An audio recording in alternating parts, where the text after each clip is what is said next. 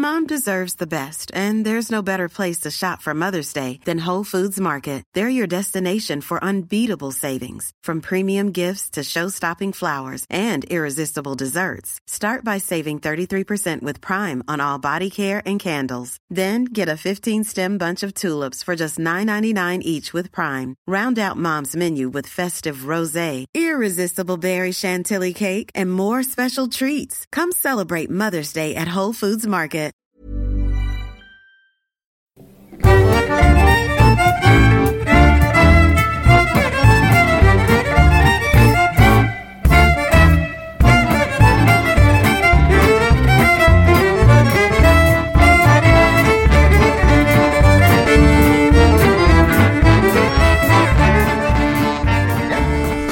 Var jättesöta. Fåglarna försvann. Flög iväg. Hörs jag eller? Det hörs jättebra. Jag... Jag heter Andreas Barås och välkommen till Diagnostikerna. Nej men vet du vad? Du kan ju börja med att öppna som dig själv. men, men vet du, vi ska stänga här nu. Har ni fått... Spelar du in nu? Ja, vi spelar in. Okej. Men eh, du kan... behöver- jag, jag klipper ju bort det. Ja, men gör det. Det är lika bra att klippa bort det. Ja. Men eh, jag säger så här. Alltså öppna... öppna eh, Men då börjar jag som eh, Kent när han spelar in Sverige. ja, gör det. Då börjar jag bara helt enkelt, eller? Okej. Var det öppningen? Har du hört eh, Kents eh, version av Sverige? Jag gillar inte Kent. Jag, fatt... Då kan man inte gilla Kent. Nej, men jag har inte fattat det där. Det... Jag, jag gillar Kent. Ja, hur jävla bra som helst. Nej, men jag, har aldrig, jag tycker inte att Kent är dåliga. Vi har bara inte förstått hypen. Det är samma sak med Håkan Hellström. Jag tillhör inte de här töntarna som bara "Åh, Håkan Hellström är så dålig, för det är han inte. Men jag har heller aldrig förstått vad som är så bra med honom. Men jag gillar... Men jag vet att du, är- du är ju närmast re- religiös, Andreas. Ja, inte religiös Håkan Hellström ska jag inte säga, men jag gillar Håkan Hellström. Ja. Det gör jag absolut. Kan Ja? Du skrev ju någon jättehjärtevärmande sak, kommer jag på Facebook när du eh, pratade om första gången du hörde Ja. Håkan Hellström. Att du typ, Jo, men så var det. eh, och det, det var ju nästan religiöst det. Men hej Ja. och välkomna ska ni i alla fall vara till Diagnostikerna. Ja, just det. Jag missade den. Du missade det. Men vet du vad? Du kan ta om den. Hej och välkomna till eh, Diagnostikerna. Ja. Det är, jag heter Fredrik Axén. Eh, folk kallar mig Ultra, även mamma. Och vid min sida sitter Andreas Barås. Tjena, tack. Och eh, med oss idag igen är eh, våran eh, gäst Andreas Scheffel. Hej! Hej välkommen. Mycket roligt. Vi pratar just om, eh, om eh, musikminnen och eh, Kent som sagt. Jag, jag, jag har inget emot Kent men jag har heller ingenting för Kent. Om man säger så. Jag tycker inte att de är speciellt bra. Och jag kan faktiskt i ärlighetens namn störa mig på Jocke Bergs eh, lite pretentiösa eh, inställningar ibland. Eh, har inte de typ, eh, har inte de typ aktiebolaget Kent lanserat ett vin och grejer? Och, och, Jag har ingen aning. Jag, jag är heller inget fan av Kent, men jag älskar deras... eh, Alltså, jag tycker många av deras låtar är underbara. Vilka jävla texter han skriver, Jocke Berg. Men Jag, jag var sånt där fan som liksom... Jag, jag, när de släppte en ny platta så lyssnade jag mig in mig på den. Jag gick alltid och såg dem en gång på varje turné de gjorde liksom sådär. Oftast i Göteborg. Och, men när de la av så har jag liksom inte saknat dem heller. Nej. Väldigt märkligt. Alltså, såhär, må- många andra band och artister som jag älskar som har liksom gått bort eller lagt av och så bara fan, jag vill se dem igen. Och Jag tyckte sådär. Men lite- bara, jag saknar liksom inte Kent. Nej, de var lite töntiga i slutet där. De döper varannan låt i Vi är inte här och Vi finns inte längre och Vi är inte där. Ja, ja. De, de, har, ju- de har alltid varit väldigt pretentiösa men också drivit mycket med bilden av sig själva som pretentiösa. Jaha. Så vad, så vad som är ironiskt där och vad som är på riktigt är svårt att avgöra. Ja, det kanske är så då. Men vi ska ju, visst vi nämnde det lite grann förut också. Andreas, du har ju spelat i ett band en gång som Ja. heter Wailing Andy and eh, vadå? And his electric mothers. Electric Mothers. Och du var frontman, namn. sångare. Ja, jag var Wailing Andy. Det var ju jag Det var som du som var mitt Wailing alter ego kan man säga. Du wailade och ja, hette och Andy. electric, electric Mo- Mothers var ju de andra liksom. Wailar du alltså? Nej, aldrig någonsin. Det var lite... Typ som King Diamond eller? Ah, Det var ju lite som så här Howlin' Pelle. Ah. I Hives. Det var lite, vi, vi skojade Ja, han lite. så mycket, eller? Nej, men precis. Jävla Eh, drag. och ni, men ni, ni finns fortfarande på Spotify. Ja, ja, man kan gå in och lyssna på oss på Spotify om man vill. Men vi splittrades för sju år sedan. Ja. Eh, Och lät splittrade. Det låter så jävla dramatiskt som att vi hade ett bandmöte där vi bara “Jag hatar dig!” Jag vill, att det, ska verkligen vara, jag vill att det ska vara vi, ja, Oasis-splittring. vi, liksom. vi, rann nog mer, vi, vi rann nog mer ut i sanden, Ja, tror jag. ni gled Eh, ifrån varandra. Ja, men det var så här. Vi, vi upptäckte plötsligt att vi har en räkning på en replokal, men vi repar liksom aldrig. För ingen har lust och tid. Och så bara ska vi skita detta, ja vi gör nog det. Ja. Så att, eh, men sen så, så hittade vår gitarrist Thomas lite gamla låtar på sin hårddisk för typ ett år sedan. Och bara, de här kan vi väl göra färdigt och släppa. Det är ju ändå färdiginspelat. Och jag bara, absolut. Men det, led, det ledde ju till att folk trodde att vi fanns igen. Så jag plötsligt började jag få så här frågor. Ja, men ska ni lira igen? Och blir det någon live? Och jag bara, nej, det är Thomas som suttit hemma och Ja. tri trixat liksom. Men då har ni ju fans. Ni har ju en fan, Ja, det är det som är liksom. sjukt, att folk faktiskt fortfarande sådär... Och du menar att du inte är snubbe- sugen? Nej, men jag känner mig lite färdig. Jo, jo så, här, så här ska jag säga nu. nu, nu jag, jag träffar väldigt sällan de andra medlemmarna i Wailing så vi pratar liksom aldrig om det här. Vi, för mig, vi hade bandet ihop och sen var det inte så kanske att vi hängde så där jävla mycket på fritiden utanför bandet. Så att det här kanske är news för dem. Så här, jag hade tyckt det var ball att göra ett gig liksom.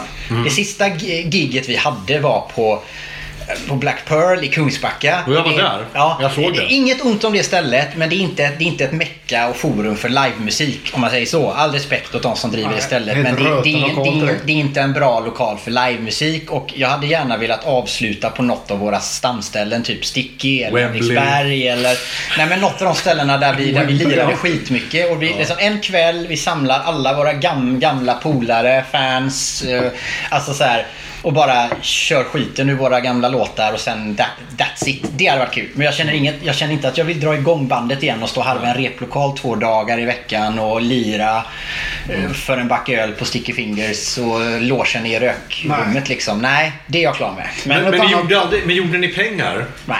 Ni gjorde bara...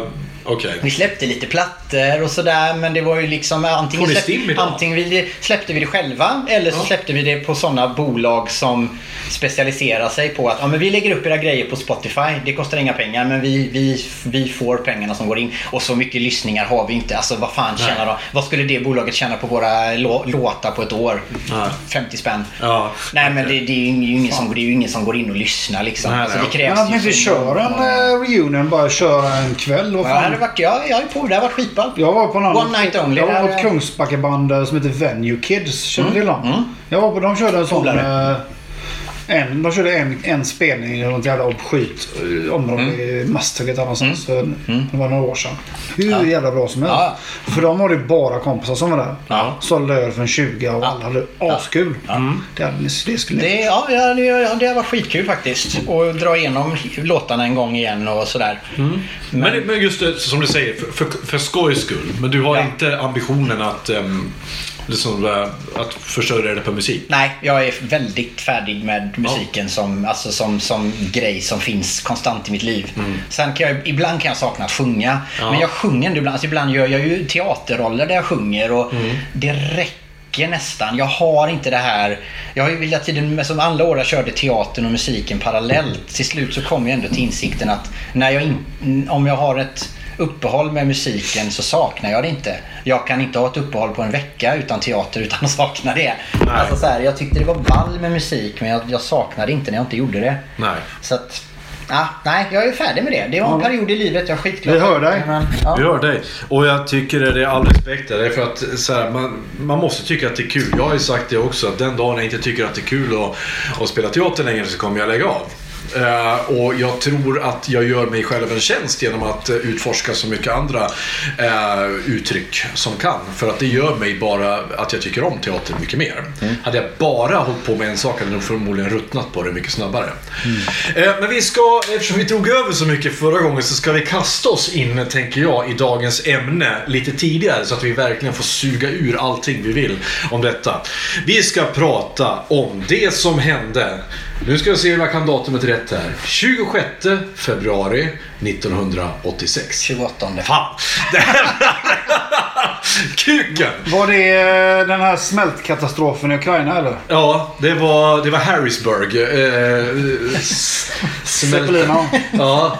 Nej, det var naturligtvis mordet på statsminister Olof Palme.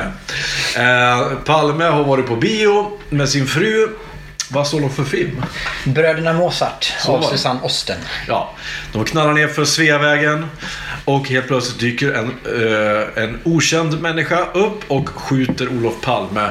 Och sedan dess har folk spekulerat i vem var det som gjorde detta. Och detta är ju extremt högaktuellt nu med tanke på att Palmegruppen bara för några veckor sedan eh, kallade till presskonferens där vi trodde att nu ska vi få svaret på gåtan. Ehm, eh, vem var det som gjorde det? Och vi lämnades med en, kanske det största antiklimaxet någonsin i, i modern historia. Jag som är ganska oinsatt i Palmemordet och aldrig riktigt brytt mig så mycket. Det, jag tyckte det var svinintressant. Ja. Den gick på P4 där, eller P1 eller vad fan det var. Jag kollade på hela... hela... Jag lyssnade på radion. Jag satt ju och tittade på presskonferensen medan jag jobbade och jag bara såhär, ja, pff, jag höll på. Alltså, det var det tråkigaste jag någonsin har sett och jag trodde ändå i början bara nu, nu, nu kommer det, nu kommer det. Ja. Men det gjorde det inte. För, Men vi, men vi, vi, vi måste någonstans börja från början här. Ehm, för det första, varför är du så intresserad Andreas? Eh, Jag vill, jag, jag vill börja med att säga att jag, det måste man alltid göra i sammanhang när man pratar om Palmemordet. Jag är absolut ingen privatspanare. Jag har aldrig någonsin gjort någon egen research. Okej. Det är viktigt att säga, för om det här kommer ut i etern och så sitter jag så, så här, allt jag kan och vet har jag fått från andra som Ja. har gjort re- jag, Ja. Det jag tror, det jag vet, allt är från andra. Ja. Jag har inte forskat själv, jag vill bara Okej. poängtera det. Det är viktigt att säga. Men du är ändå insatt Jag är ganska insatt. Jag kan, Ja. inte allt, jag kan inte alla detaljer om alla spår. Men jag, jag är hyfsat insatt i Mm. det. Det som jag tycker är fascinerande med Palmemordet är dels att det är en olöst gå- gåta. Det kittlar alltid. Ja. Och dels i andra hand persongalleriet.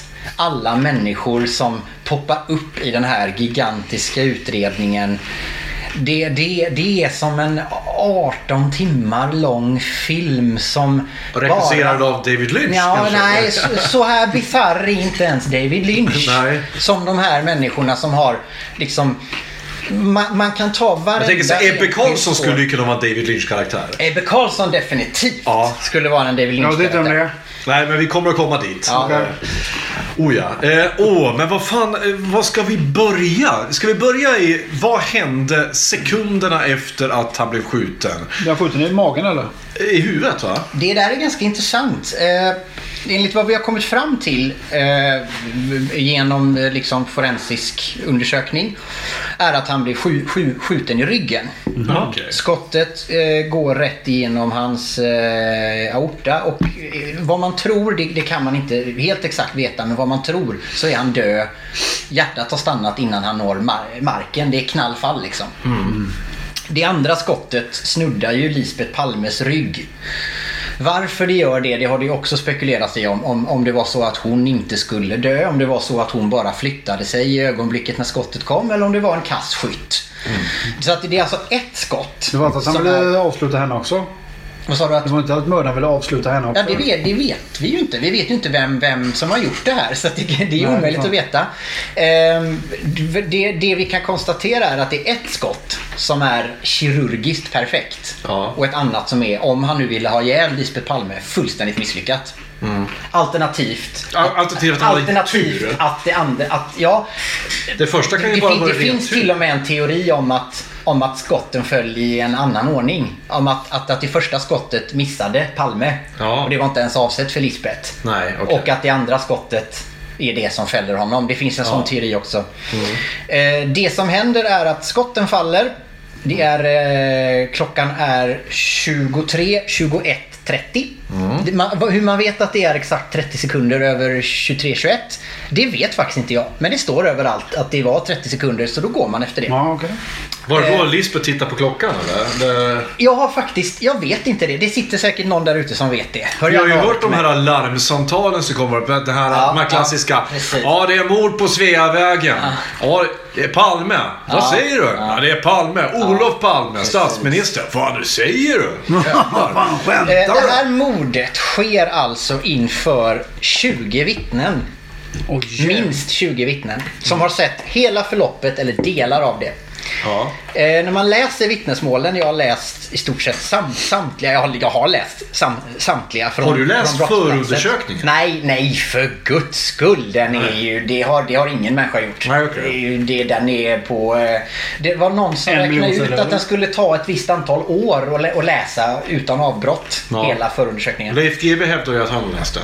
Såklart. Han har ju skrivit den till Han, ja, precis. precis. De frågar ju honom. Eh, vad, vad, vad man läser de första vittnesmålen från plats, från vittnena, så stämmer absolut ingenting. Ingenting går ihop. Alla säger olika saker. Okej. Ah, Det finns de som säger att Palme pratade med mör- mördaren. Det finns folk som säger att han, eh, mördaren gick, föl- förföljde dem eh, ba- bakifrån. Det finns människor som säger att mördaren stod på plats och väntade. Ingenting går ihop. Det finns de som säger att han sköts framifrån. Eh, Det vet vi att han inte gjorde. Han sköts ba- bakifrån. Det har vi kunnat konstatera med en pistol... Pi, pi, pi, pistolpipan, ja en liten bit ifrån hans rygg. Ehm, Ingen kan ge ett signalement på mördarens ansikte. Inte ett enda av vittnena. Varför inte? Det här är alltså i vinter. Det är mitt i natten. Det är becksvart. Men det är Sveavägen. Det är upplyst. Det är, Ja. det är folk. Ja. Men då är det så här att hobbyaffären Dekorima ligger precis där mordet händer. Och Dekorimas skyltfönster är lite känt på den här tiden för att vara extremt upplyst. Jaha. Vilket innebär att alla vittnen har sett förloppet i motljus. Okej. Så att de har sett silhuetter helt enkelt. Sjukt. Och utav alla vittnen så är det bara två stycken som har sett hela mordet, det vill säga båda skotten och det som har hänt innan. Alla andra har reagerat på första skottet Ja. och sen sett Palme sänga ner och sen sett slash hört det andra skottet. Där, det är väl liksom brottsplatsen. Det som händer sen är att mördaren springer upp på Tunnelgatan. Förbi korsningen Lund- mot Lu- Luntmakargatan. Och det här vet man också för att det är vittnen som såg. Inne på Luntmakargatan står den jättekända vittnet Lars Jeppsson. En ung herre med blå täckjacka. Som står och funderar på att klia sig i huvudet och står där och undrar om inte han ska gå och se en nattbio. Han ser mördaren komma springande eh, från brottsplatsen. Han hör, en, han, hör en, så här, han hör en smäll först. Som han tror är typ ett exploderande polis eller bildäck eller något sånt där. Man Ja. tänker ju inte det första på den tiden var ju Sverige ett annat än vad det är idag också. Så man tänkte inte i första hand att det är ett pistolskott man hör på Sveavägen. Så han vänder sig mot där och då står det byggbaracker i vägen. Står Byggbaracker inne på Tunnelgatan som går liksom en läng, längs med Tunnelgatan. Så han ser inte riktigt vad, vad som har hänt. Men efter en stund så kommer en man springande eh, och springer eh, Tunnelgatan upp mot trapporna som går upp mot David Bagares gata. Och gömmer sig? Ja, han, Ja. han blir lite rädd för att det- han, ändå, han hör en smäll och han är osäker på vad det är. Ett exploderande bildäck eller är det en... Han vet ju liksom inte. Så han, han gömmer sig lite grann. Och då kommer den här mannen springandes förbi, springer upp för trapporna och enligt Jeppsson ställer sig mannen högst upp på trapporna, tittar ner. Och där ser ju då Jeppsson lite grann, fast på ganska långt håll och upp för ett par trappor, att där får han ett signalement på mannens kläder i alla fall. Eh, Mannen vänder sig om, springer ner. Jeppsson får, det här är märkligt, men han får tanken att jag måste följa efter den här mannen. Så han springer upp för trapporna, men då är mannen redan borta. Då möter, möter han en kvinna som är där med sitt ett säll, sällskap. Har det sprungit någon här? Ja, det sprang en man här nerför David Bagares gata. Eh, han såg ut att ha bråttom. Han hade blå överrock och, och fipplade med något och lågskor för han halkade liksom. Ja.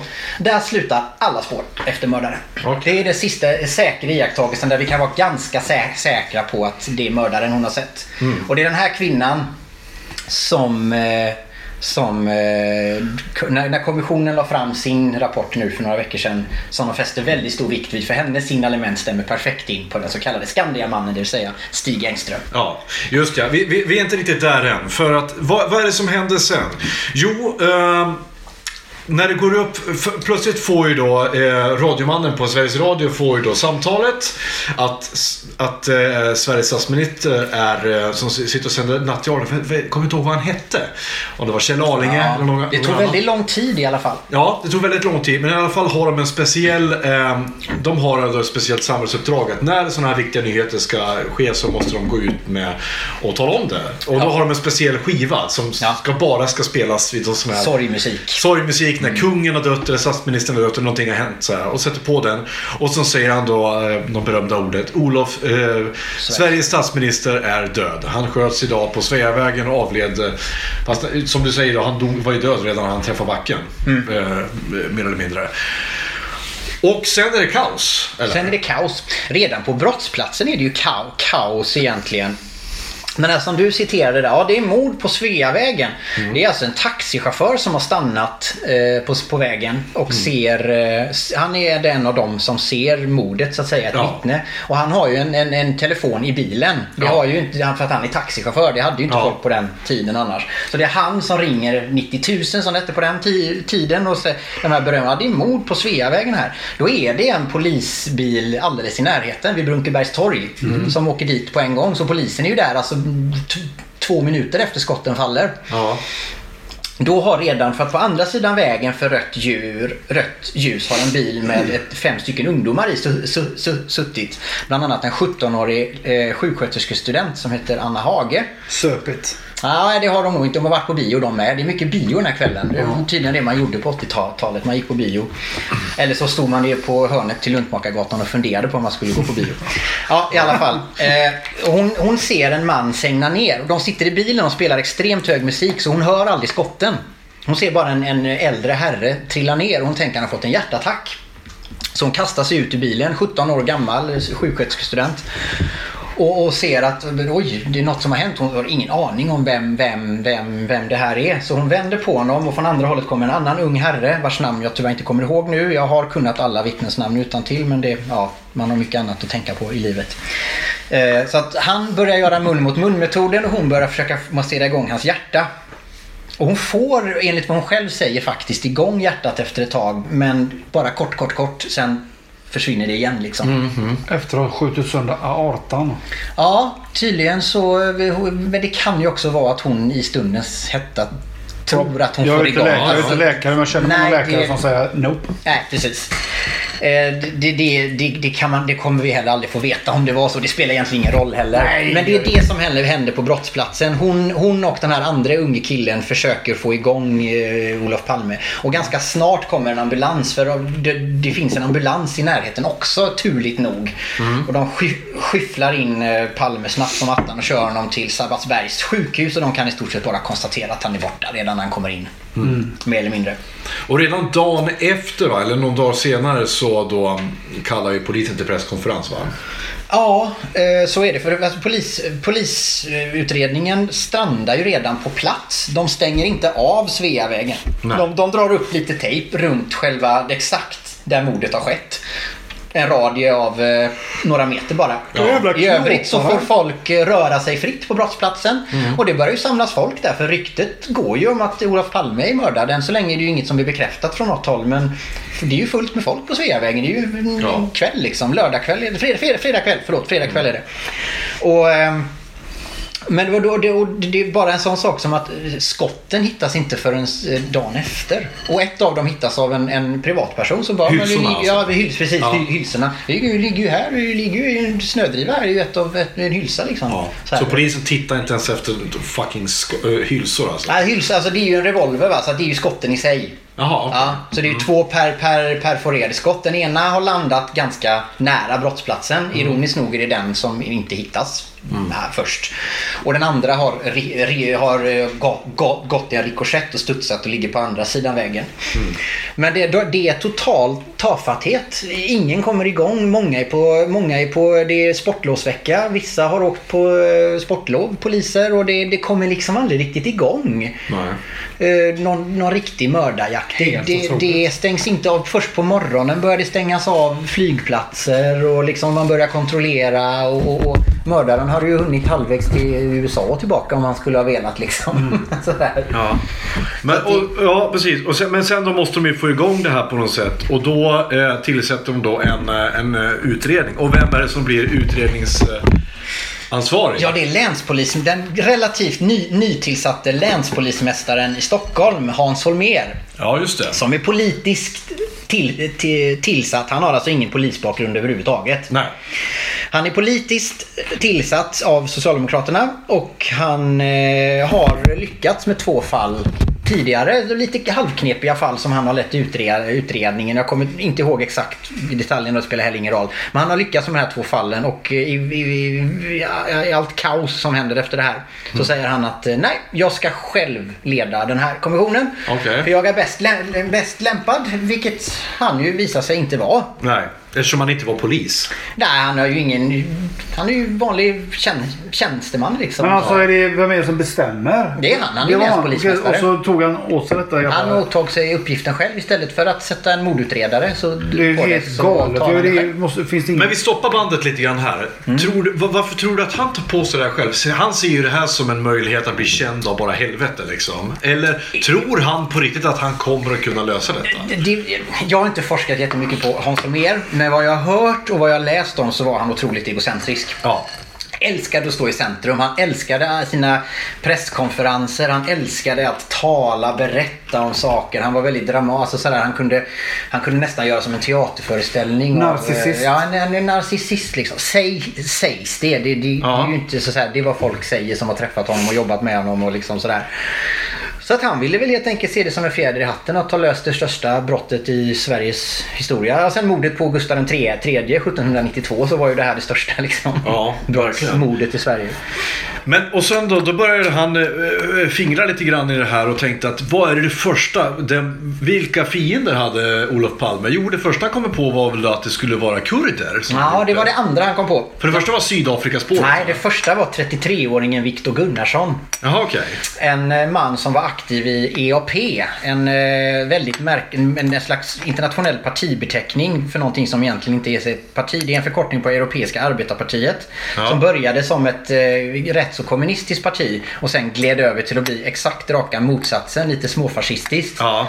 Eh, och som är, en del säger att det är ett politiskt parti, vissa säger att det är en personkultssekt. Eh, och han var på något sätt aktiv i det här Europeiska arbetarpartiet som har varit extremt hatiska mot Palme.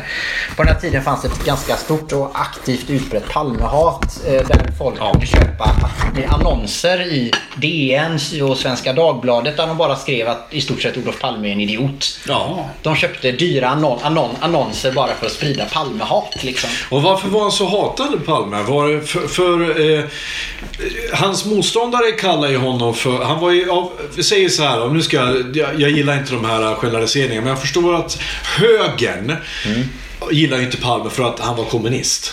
Och vänstern gillar ju inte Palme för att han inte var kommunist. Han var ju extremt antikommunistisk. Han hatar ju kommunister, Ja. Olof Palme. Men enligt högern så var han ju den värsta socialisten som fanns. Enligt högern var han ju framförallt en klassförrädare för han Ja. kom ju ur den extrema överklassen. Ja. Familjen Palme är ju gammal svensk Ja. idel ädel adel liksom. Han är uppvuxen i hem på Östermalm där de hade eh, betjänter. Liksom. Ja, det är den nivån. Ja, och han var, ju, han, var ju, hans- han var ju väldigt bildad. Ja, och ha- hela hans familj röstade ju på högerpartiet och senare Moderaterna. Det, var liksom, det fanns ingenting annat. Eh, Men vad Olof Palme gjo- gjorde var att när han skickades till USA för att studera på eh, något universitet. Jag kommer inte ihåg vilket av dem det var nu, men ett av de bättre. Jag tror det var Harvard eller Ja, Princeton. i något av dem var det. Så eh, reste han runt mycket i USA och såg den extrema fattigdomen och klasskillnaderna som finns, fanns och finns fortfarande. Och tyckte att det här är skit. Och han började resa runt mycket i världen. Han var mycket i Indien. Där kan man ju verkligen snacka om Ja. fattigdom liksom. Ja. Och då där blev han som han, han kallades ju egentligen demokratisk so- socialist. Och det var väl det som stack lite i ögonen på folk. Att en, att en man ur den extrema överklassen och med judisk bakgrund dessutom mm. kallade sig för demokratisk so- so- socialist. Och redan när han... Han blev- gjorde det som Bernie Sanders gör idag. Ja, det kan man säga lite grann. Sen, Alltså? sen blev han ju, eh, han, han- han blev ju också, alltså, han blev ju först en aktiv eh, skolpolitiker kan man säga och började liksom... Ecklesiastikminister, Ja, jo, men det blev han ju sen. Men han började eh, engageras inom, inom liksom universitetspolitiken, alltså sådär studentpolitiker. Och redan då började det skrivas artiklar på ledarsidorna i högerpressen om den, den obehaglige kroknäsade Olof Palme. Alltså innan han hade någon som helst maktposition. Jude- juden, vet du. Bara Han kom- det att han var liksom överklass och, och eh, vänster gjorde att det direkt, och så hans sätt att prata, han, han hade det lite släpiga, lite väsande sättet att prata. Alltså, det hade, det, han provocerade något oerhört och sen då när han dessutom blev personlig vän med Tage Erlander. De var ju extremt omaka egentligen men de fann varandra. Han började ju som talskrivare och se- privatsekreterare åt Tage Ja. Erlander. Precis. Och det var ju då som han liksom, hans riktiga politiska karriär bör, började. Jag vet inte en Tage Erlander. Sveriges statsminister i, fan var det 20... Ja, det var länge. Han tog, över, tog han över efter Branting? Han Nej. satt 46 till 69. Ja. Ja, okej. Så med många år. Ja. eh, ja, precis. Och han var väl hans högra hand liksom Ja, ganska, ganska länge. Och allting som Olof Palme lärde sig, det lärde han sig från eh, Erlander och är mer eller mindre utvecklade. Samtidigt som de var extremt omaka. Ja. De, det var, de, där var, Men det var därför också som de som respekterade varandra tror jag. Ja, för att de var de, de, var de enda som Absolut. kunde sitta och käfta med varandra. Verkligen. För alla andra klassiker är ju att sitter du vid makten så har du ja-sägare runt omkring dig. Men han var ju Ja. ja-sägare, Palme. Och Eh, vi, vi, vi kanske ska hålla snacket om, alltså det ska ändå handla om mordet på något sätt. Men om Jo, vi jag ska- måste vi förstå, ska- liksom, precis, vi precis. måste vi förstå ändå- ja. stämningen som var i Sverige här. Ja. Palme var inte, han var inte älskad av alla. Nej, verkligen inte. Han, han, som sen när han dessutom blev statsminister så småningom då och efterträdde Tage Erlander så, så hade han ju en debattteknik som där han fullständigt förintade sin motståndare. Och det var mycket härskartekniker. Det var extremt mycket ja. härskartekniker. Det var mycket... Han ville verkligen förnedra sin motståndare. Han ville Ja. inte bara besegra, han ville förnedra. Ja. Och när han då ställde upp i valet mot Torbjörn Fälldin som ju var hög, högerblockets, dåvarande cen- Centerpartiets eh, ordförande. En, och bon, en bonde som var då från Salt of the Precis. Earth, Han var ju verkligen. statsministerkandidat för, för borgerliga blo, eh, blocket. Mm. Så var han så otrevlig mot Fälldin i debatten att folk tyckte synd om Fälldin. Ja. Han var ju liksom en vanlig, en vanlig god gubbe från landet liksom. Och Men så han som kommer, tog över efter Tage Erlander eller? Ja, det var ju Palme. Fälldin? Fälldin Nej, Fälldin var. Centerpartiet eller tidigare Bondeförbundet. Var han, då. Mm. han blev sedermera Sveriges statsminister. Eh, Men han var, ju också, han var ju också känd för att eh, liksom, när han inte satt i riksdagen så, så var han hemma på gården och, och, och, och liksom, och med sin högrep. Ja, och, och stod och, och ryktade hästar och hade sig. Liksom. Och de tog ofta bilder Så på honom eh, så. så att, att eh, det förstår jag. Att ställer man en sån gubbe mot en, en överklass eh, eh, som beläst, hur beläst och, och hedervärd Palme än var så förstår jag att det sticker i ögonen på inom citationstecken vanligt folk. Och Palme, om vi ska sammanfatta Palmeartet fram till mordet så var det att sossarna förlorar makten 1976. Högerblocket vinner, Torbjörn Fälldin blir statsminister. Sossarna, för på den tiden var det ju val var tredje år, inte var fjärde år som nu. Eh, sossarna förlorar även valet 79. Eh, vi har tre år ganska turbulenta borgerliga år där med, eh, regeringen splittras och vi har två olika eh, statsminister. Ola Ullsten var ju stats, statsminister under en kort period. Ett halvår eller någonting tror jag. Ja, ett år tror jag det var. Men, eh, sen vinner sossarna valet 82. Palme får tillbaka makten.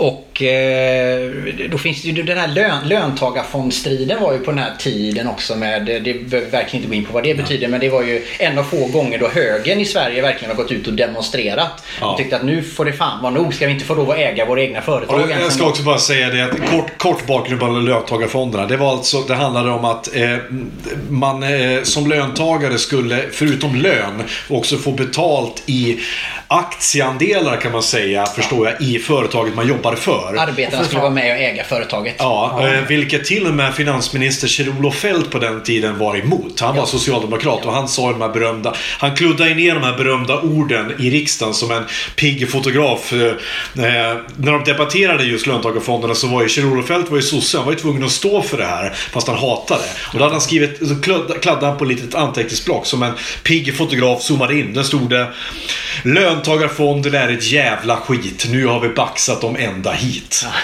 När till och med Kjell-Olof Feldt som, ska, eh, som är sosse hatar skiten. Ja. De följer också till slut. Det, det gick inte att... Ja, de, det, det röstades ju fram att de skulle införas men det gjordes ju aldrig. Nej. I alla fall, Ja. eh, det här stack ju extremt mycket i ögonen på högern.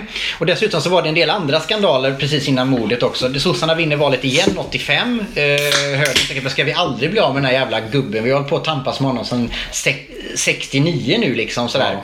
Och då ska man komma ihåg att eh, borgerligheten hade ju då också eh, försökt slänga fram en jävla massa frontmän för att, eh, för att eh, vinna över Palme. Bland annat hade väl Yngve Holmberg som var en eh, rolig figur som de tog Ja. fram bara för att han i deras ögon var lik John F Kennedy. Ja.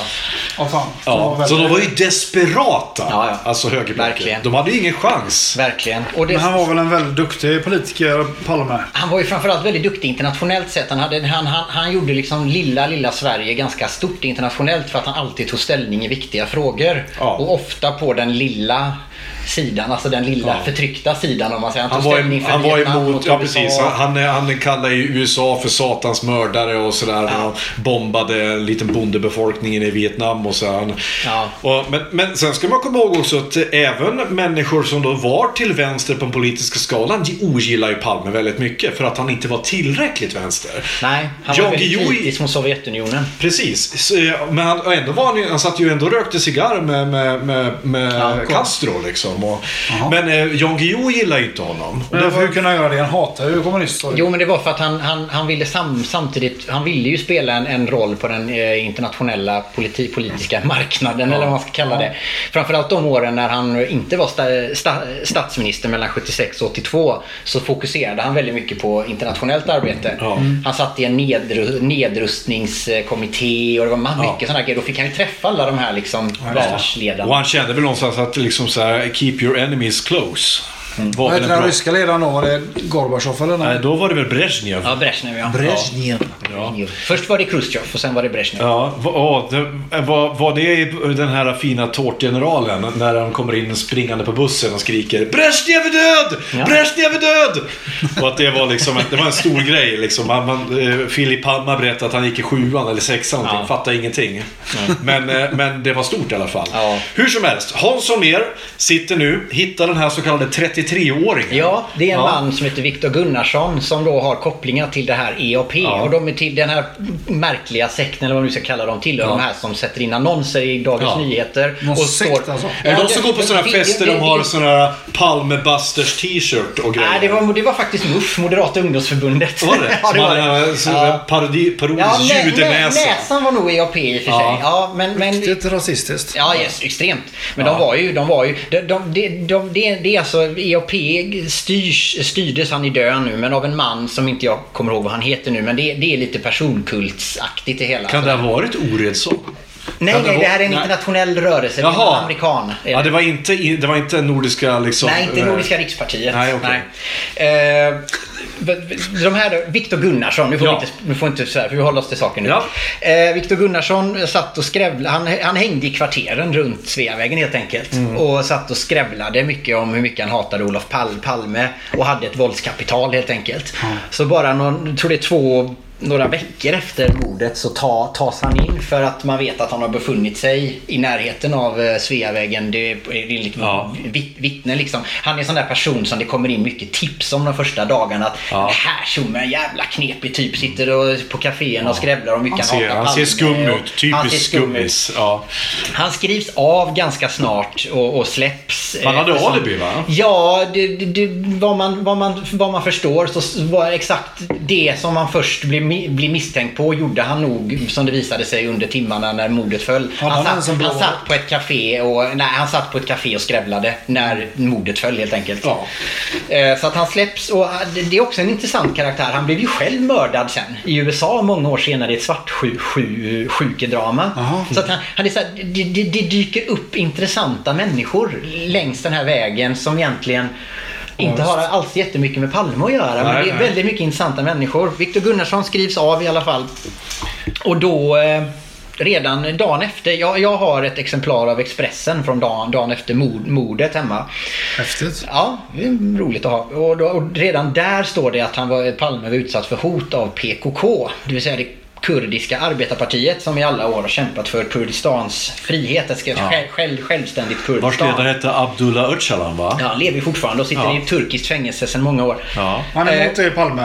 Han vill Ja, inte att Palme, Palme, självständigt. han, ja, det, det Han var arg mest för att i vi inte hade, vi hade inte tagit emot... Vi hade utvisat någon, någon aktivist va? Var det Ja, och det var också att, att eh, Palme hade terrorstämplat PKK i Sverige. Eh, och det, Var det terrorister?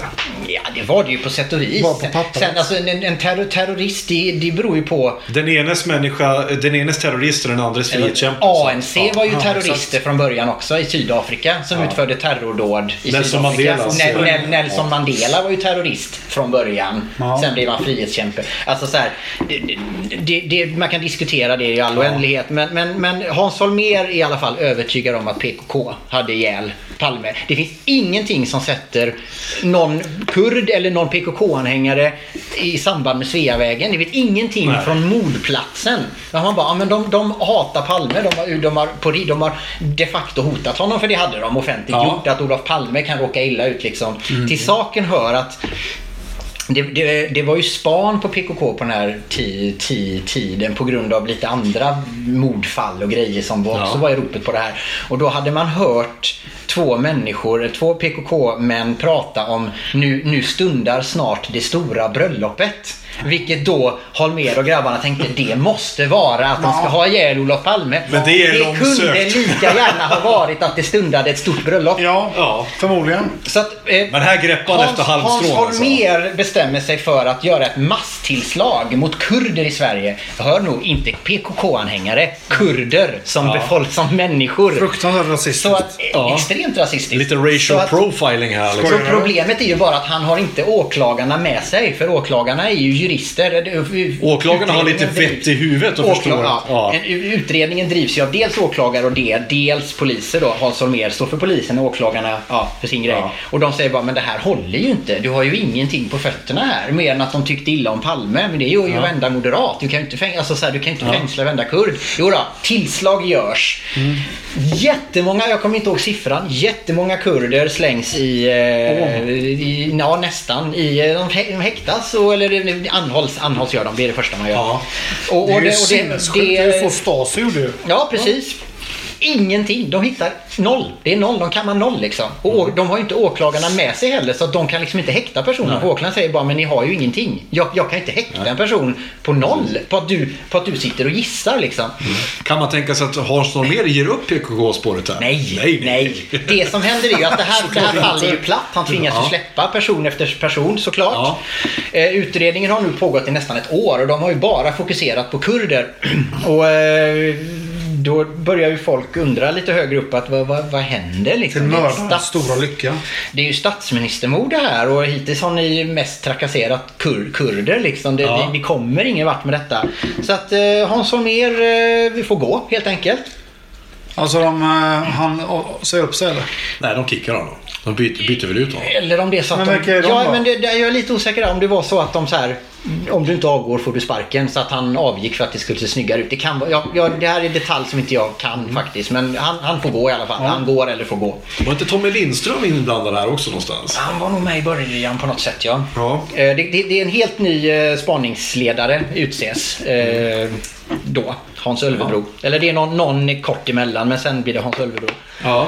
Ehm, Och vad blir nästa spår då? Nästa spår är att gå tillbaka till brottsplatsen. Mm. Och då börjar de nysta i... eh, i eh, Men vänta, vi, Sydafrikaspåret kommer se, långt senare? Det är långt senare. Okej, Ja. kör på. eh, det, då, då börjar man gå, gå tillbaka. Vad är det för människor som lever i, runt Sveavägen som har ett våldskapital? Ja. Ja. Är det nu vi ska ta fram eh, Nu våran... eh, blanda våran eh, vodka nu. med... Ja. eh, Baileys. För då hittar de en snubbe som heter Sigge Cedergren va? Ja, det kretsar mycket kring honom. Det finns en polis som, som är umgick, som, som liksom... Vad ska man säga? Han är någon slags... Han är en polis, han upprätthåller lag och ordning men han har också i sin roll som polis i, i city, utredande polis, blivit lite tjenis med smågangstrarna liksom. Han Ja. känner dem lite grann sådär. Bland annat den här Sigge Cedergren då som, Som är är en en langare va? knark... Alltså, ja, Ja. precis. Han, han säljer knark liksom. Ja. Och eh, han har en, en eh, bland annat då en av hans kunder är en, en, eh, en A-lagare från eh, Rotebro som heter Christer Pettersson. Precis. Inte helt obekant för större delen av eh, befolkningen. Och ironiskt nog, han är ju, så småningom så, så blir det ju... eh, Ja, de tar in Pettersson och det blir rättegångar och vidare. Det kommer vi till. Men, men ironiskt nog, det här är ju den enda som har, stått, som, som har stått inför rätta. Men han är faktiskt det spåret jag är sämst påläst på. För att jag har alltid tyckt att jag har aldrig trott på Christer och då har jag heller aldrig liksom grävt ner mig i det. Så att exakt vilka indicier som finns mot Christer Pettersson har jag lite väl också- dålig koll på. Vad jag har förstått det där, nu, och nu, nu blir det väldigt löst eh, i tredjehandspersoner för att jag har hört att eh, Leif GW har pratat om detta. Ja. Han, Leif, Leif GW, eh, han eh, avskrev ju Pettersson väldigt, väldigt tidigt. Just för att han sa att, att den här killen skulle ha gjort det här, eh, ett begått ett brott som, som helt avviker från hans vanliga modus operandi. Ja. Det vill säga, han var ju inte känd för att använda skjutvapen. Nej. Han var känd för att använda bajonett. Ja, och knytnävar. Och, och knytnävar. Han Ja. var en kille som spöade folk eh, och han var en stor och farlig jävel, absolut. Men han var ingen kille som skulle ha någonting för att han skulle gå och skjuta en statsminister. Möjligtvis om han skulle ha fått en sedelbunt i handen och sagt du får en jävla massa knark om du går och gör detta. Men knappt då heller. Nej, det, det är grejer med Christer Pettersson. Man ska kortfattat säga det som vänds emot honom i rättegången. Är, och det, framförallt det viktigaste är att eh, Lisbeth Palme ska få en chans att peka ut Christer Pettersson i en sån här eh, klassisk... Eh, En eh, konfrontation. konfrontation, precis. Sån där line-up som i De misstänkta. Och det, det, fucking det, case, motherfucker. det som händer här är att Lisbeth Palme pekar ut Christer Pettersson och säger att det är han som har gjort det. Men hon Ja. har ju också fått hela bakgrundsdragningen på honom. Ja, vi har hittat en A-lagare i Rotebro som vi misstänker har mördat din man. Och då ställer de upp Christer Pettersson. Visst är det lä- lätt kor korpulent, ganska, inte, ganska kort. Emot, eh, med ett gäng vältränade poliser och brandmän som är de övriga i den här Ja. line, line, line-upen. Precis, och han har en stickad eh, tröja Han på ser sig. alltså, och- och han har ett par vi, vita gummiskor när de andra har svarta lå, lå, lågskor. Han sticker Ja. verkligen ut och han står precis i mitten. Precis. Och eh, Lisbeth Palme har vägrat att låta den här konfrontationen spelas in, vare sig ljudmässigt eller på film eller på något sätt. Hon vägrade det, då skulle hon inte ställa upp sa hon. Nej. Men vad man har hört från poliser som var på plats och var med på hela historien. Så ska hon, när hon har fått förklarat för sig att det är en, en alkoholiserad man eh, med ett våldskapital som vi har tagit, tagit in här. Då ska hon ha ti- tittat på männen och sagt att ja, det ser man väl vem, vem utav de här som är, eh, som är alkoholiserad. Och pekat ut Christer Pettersson. Och det gör ju i princip att hennes vittnesmål är fullständigt Ja, ja, det är så Irrelevant. jävla klantigt det där så att det är, det är frukt. Ja. Ja, men det där hade de alltså When you're ready to pop the question, the last thing you want to do is second guess the ring. At Bluenile.com, you can design a one of a kind ring with the ease and convenience of shopping online. Choose your diamond and setting. When you find the one, you'll get it delivered right to your door. Go to Bluenile.com and use promo code LISTEN to get $50 off your purchase of $500 or more. That's code LISTEN at Bluenile.com for $50 off your purchase. Bluenile.com code LISTEN. There's never been a faster or easier way to start your weight loss journey than with PlushCare. PlushCare accepts most insurance plans and gives you online access to board-certified physicians who can prescribe FDA-approved weight loss medications like Wigovi and Zepbound for those who qualify. Take charge of your health and speak with a board-certified physician about a weight loss plan that's right for you.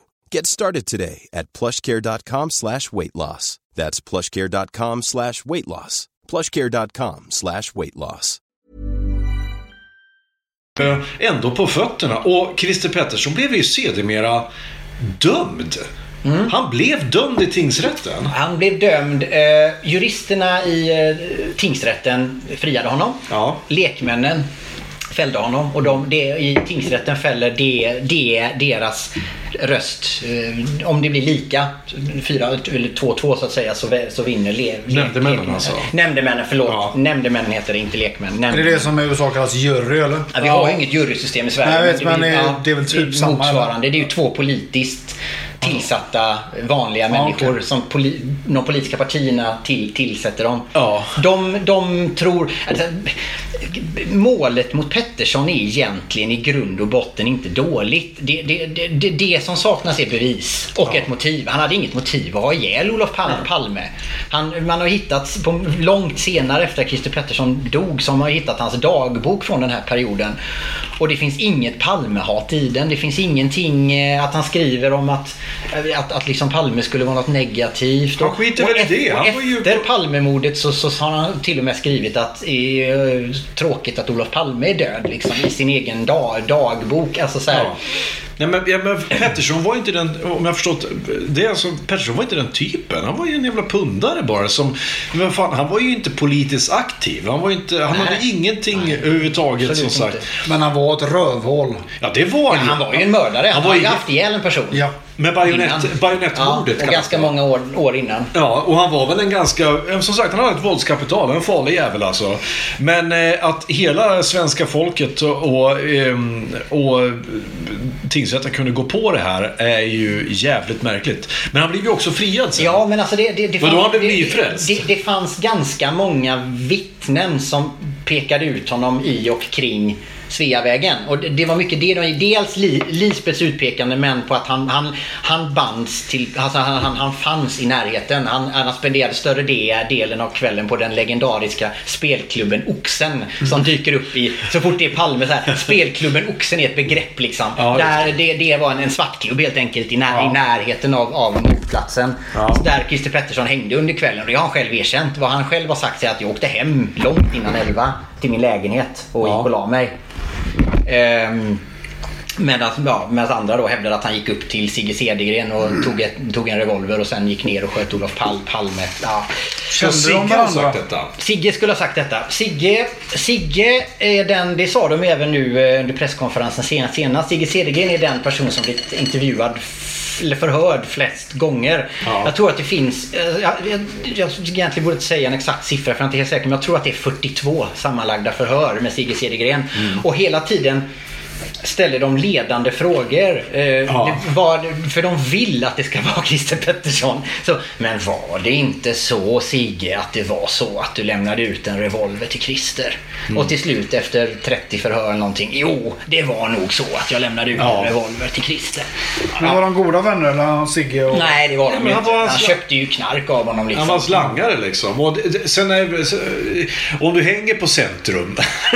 Du hänger på spelklubben Oxen. Ja, så har du ju folk runt omkring dig som du träffar varje dag som du inte behöver nödvändigtvis vara, vara vän med. Men det är någon snubbe som har en hunka som, du kan köpa, som kan köpa en bärs åt dig. Eller att du har någon snubbe som, kan, som du kan få tjack av liksom. Det behöver inte betyda att det är din kompis. De bara är där. Nej. Men det som händer är ju då att... Eh, Det var ganska många år sedan. För när blev han friad? 90? han blev 93? friad 89. 89? Ja. ja. Eh, han fälls i tingsrätten och sen i hovrätten när det bara är jurister som avgör och det inte finns Ja. några näm nämndemän så blir han ju friad på Precis. alla punkter. liksom. Mycket, mycket känd film där när de filmar hemma när han sitter, då när han kallar sig själv för nyfrälst då, inom citationstecken. Eh, då sitter Christer Pettersson i en fåtölj. Eh, Nej, det är 97 det är senare. är det? Ja, det är, är det stageat det eller? Nej, det är han. De ville ju, de ville ju eh, åklagarsidan begärde ju resning i högsta, dom, högsta dom, eh, domstolen Jaha, utan att egentligen ha särskilt mycket nytt. Jaha. Men de ville bara köra det spåret i botten liksom. Ja. Och då, eh, då, det är då han sitter och väntar på att Och det är då han skriker Ja. eh, Tack Jesus! Och han kom tillbaka och tog våra synder bla bla bla. Och Ja, så där håller han på och, och man vet inte riktigt vad Christer håller på Men med där. hel, hel, alltså, Christer Pettersson, som sagt som mördare har jag aldrig tyckt att han är särskilt intressant. Men, men han är intressant. Alltså, och människorna runt om. Sigge Cedergren, eh, Sigge Cedergrens livvakt som jag tror jag inte kommer ihåg namnet på nu. Också en så här extremt märklig människa. Människorna som rörde sig i de här kretsarna är, det, det, det är en film bara det liksom. Ja. Och sen så, sen så då en av de sakerna som gör att de begär resning 97 är ju att, är ju att, att eh, det, det, den så kallade bombmannens testamente. Lars La- Tingström. Lars Ting, Tingström, bomb, bombmannen som ju var någon slags rättshaverist gone wild. Vi pratade om honom i avsnittet om rättshaverister. Han, eh, han, Killen som byggde gångar under sitt hem och, och skulle spränga spränga Kronofogden och Skatteverket. Ja, han gjorde ju det också. Han, hade, han sprängde ju en... Han hade väl ihjäl någon till och med va? Ja, det hade han. Det hade ja. han. Men eh, framförallt så han blev ju fångad för att hans kumpan där nere sprängde sig själv. Ja. Eh, På, eh, när eh, Lars eh, Tingström dör så hans advokat Pelle Svensson, brottaren, också en Ja. profil, eh, går ut och säger att jag... som för övrigt var Juha Valjakallis eh, eh, Ja, försvarsadvokat. han var nog, ja. Ja, Nikita. Ja. Usch. Ja, han eh, går ut och säger att eh, jag har fått ett testamente här. Ett, eh, ett, ett, inte, ett testamente i ordets rätta bemärkelse utan mer ett moraliskt testamente från, La, från, La, The La, dying Lars. words, så att säga. Där, ja, precis. Där han tar på sig Palmemordet. Och då är till saken hör att eh, Christer och, och Lars blev polare på, kå, på kåken. Mm. Och enligt den här nya teorin så skulle då Christer ha haft ihjäl Palme på order av Lars Tingström. Det bara visar sig att det här, det, här det, det, det finns inget sånt. test- Alltså, Pelle Svensson visar aldrig upp ett, liksom ett fysiskt testamente. Nej, han bara säger. Det här är bara någonting som Lars visar sig som Lars har sagt till honom, hävdar Pelle Svensson då. Ja. Ja, det, det finns liksom inte särskilt mycket på fötterna den här gången heller. Liksom, sådär. Eh, men det är en av de grejerna som föranleder eh, resningsansökan. Då. Men efter att Pettersson fria så är det, luften går väldigt mycket ur hela utredningen. Många Ja. poliser anser att det var Pettersson. De anser det så, sagt, så att säga, polisiärt uppklar, upp, klar, uppklar, uppklarat. Så att det står på sparlåga i hemskt många år. Vad vi har hoppat över nu är ju Ebbe Carlsson-affären. Den, briljerar, den, den briserar ju innan eh, Christer Pettersson ens Den, åtalas. den br- briserar under Holmers tid. Nej, efter. Inte? Med, Medan de håller på att jobba med Christer Pettersson-spåret innan det blir Ja. offentligt, innan, innan åtalet. Så visar det sig att Hans Holmér har inte riktigt kunnat släppa sitt kurdspår. Trots att han numera officiellt inte är en del av utredningen. Så blir han den första Privatspanaren. privatspanaren. Ja, just det. Vilket ju är bara det är extremt olämpligt med tanke på att han tidigare led, led, ledde den officiella. Men ja, Ja. i alla fall. Han kan inte släppa det här och han eh, känner en person som heter Ebbe Carlsson som är en, en saga för sig. En bokförläggare. En bokförläggare från början som... Som för övrigt, eh, ska vi säga, eh, var väl en av de stora inkomstkällorna till Socialdemokraterna. För att han ägde nämligen ett tryckeri Ja. eh, som tryckte porrtidningar. Ja. Eh, Aktuellt Rapport, eh, Fibban och de här eh, grejerna. Så, och de pengarna... Topphat. Gick ju oavkortat till Socialdemokratiska partiet. Och han ska ju vid något berömt eh, tillfälle ha sagt att eh, ja, så länge folk sitter hemma och runkar så kommer vi vinna valet. Ja. Han, han, han är också en sån här människa som nästlar sig in i det socialdemokratiska partiet genom att ta reda på vilka ställen de hänger på. Och sen börja hänga där, där själv och på fyllan börja umgås med, med, med, med dem. Så till slut så har han mer eller mindre ett klippkort i regeringskansliet men det är ingen som riktigt vet vad han gör där. Nej, han blir ju polare med eh, Palme själv. Han blir de, de, polare med hela socialdemokratiska aristokratin. På något Ja. konstigt sätt så nästlar han sig in och får en tjänst liksom i Rosenbad utan att ha någon... Alltså han har egentligen Nej. ingen riktig position. Han bara, han bara är där liksom. Han är en hangaround. Han, han, han, han, eh, Var bra på något då. han säger att jag tar på mig att fortsätta utreda kurdspåret. Kom ihåg nu. Inofficiellt. Kom ihåg nu. En bokförläggare. Ja, det är egentligen det enda Som han är kompis med några sossar. Ja. Han bara, Han jag ska leda utredningen. Ja, han och Holmér fortsätter det här. Och eftersom Ebbe Carlsson är polers med bland annat Anna-Greta Leijon, vår då, dåvarande justitieminister, så får hon honom, eller nej, han, Han får henne. han får henne att skriva ett rekommendationsbrev till, eh, till engelska, är det väl? Ja, men, typ, men, det, det, men vad jag förstått det så ska det här rekommendationsbrevet det ska fungera som ett quest-item Ja, i ett, ett RPG-spel. När du har det här brevet så ska du kunna komma in var som helst Ja. och Du göra har vad carte som- blanche vad gäller att frakta saker. Du har carte blanche att göra vad du vill. Liksom. Ja, du har fått ett extra life Ja. liksom. Att kunna bara... Och det här är alltså inofficiellt. Ja. Och vad som händer då är att eh, Ebbe Carlssons liv, liv, livvakt skickas iväg för att, eh, för att, för att utomlands köpa avlyssnings... Eh, ma- grejer för att bugga. De tänker, om vi avlyssnar typ alla kurder som finns så kommer vi, kommer vi förr eller senare att få svaret på det här. Så att, vad som händer då är att den här livvakten fastnar i tullen med olaglig avlyssnings... Eh, eh, materiel. Så att det jävla brevet som hon har skrivit det kunde hon ju torkat sig i röven med liksom. Ja. I och med att alltihop var inofficiellt så funkar inte det. Och då briserar ju hela affären. Och då tvingas ju Anna-Greta Leijon erkänna att ja, jo, jag var ju med i den här privatspanargrejen. Ja, och tvingas naturligtvis att avgå. Ja, och sen händer det någonting som väldigt, eh, kallas för KU-förhöret. Ja. Det vill säga att då... Carl Lidbom var inblandad i det här med en svensk di- diplomat. Han var väl den tredje länken. Holmér, Carl Lidbom, Ebbe Carlsson. var Ja, liksom precis. heliga Och då har vi då. KU-förhöret, KU-kommission- eh, konstitutionsutskottet. Ja. Eh, Bland annat bestående av eh, vice ordförande Anders Björk som den här jätteberömda eh, ordväxlingen mellan dem när han ställer en fråga till Carl Lidbom. Carl Lidbom vägrar att ställa, svara på frågan. Han säger så här. Det där är trams. Du får inget svar för, för att det är trams. Jag låter din hustru läsa olagliga handlingar, eller hemliga handlingar. Nej, det är trams. Ja. Jag tycker icke det ankommer på Carl Lidbom att ställa fälla sådana yttranden när han är här. Han ska veta hut när han är här. Och det är bara så att det, är, det blir bara sandlåda. Ingen döms. Ingen, ingen, Ja, Anna-Greta Leijon får ju avgå. hon får avgå, Ja. men hon blir ju offrad. Ja, så att säga. jag tror att och Ebbe- sen kom jag ihåg, jag vet att Ebbe Carlsson, han var ju dessutom homosexuell. Ja. Och då tar de ju upp det här i förhören att, Carl, eller att Ebbe Carlsson skulle företräda någon slags underground-organisation, någon slags böglobby. Ja. Som vill nästla sig in i den svenska makten och ta över Sverige. Ja. Och du vet, det blir bara bisarrt där. Eh, Jag, jag, tror, jag tror att han döms för, ola, för ett försök till olaglig avlyssning. Men det är ju inget straff på det. Liksom. Nej men det är ju så här, Ja. det, det är ju liksom den här han- klassiska han- hans karriär är ju egenmäktigt körd. förfarande Ja, och sånt han. Hans karriär är ju körd liksom. Han kan ju inte sitta kvar och ha sin mystiska post i regeringskansliet mer. Liksom, sådär. Så att han, han, och dessutom dör han väl två år senare i aids tror jag. I aids, precis. Eh, Anna-Greta ja. Leijon i sin tur, hon blir ju...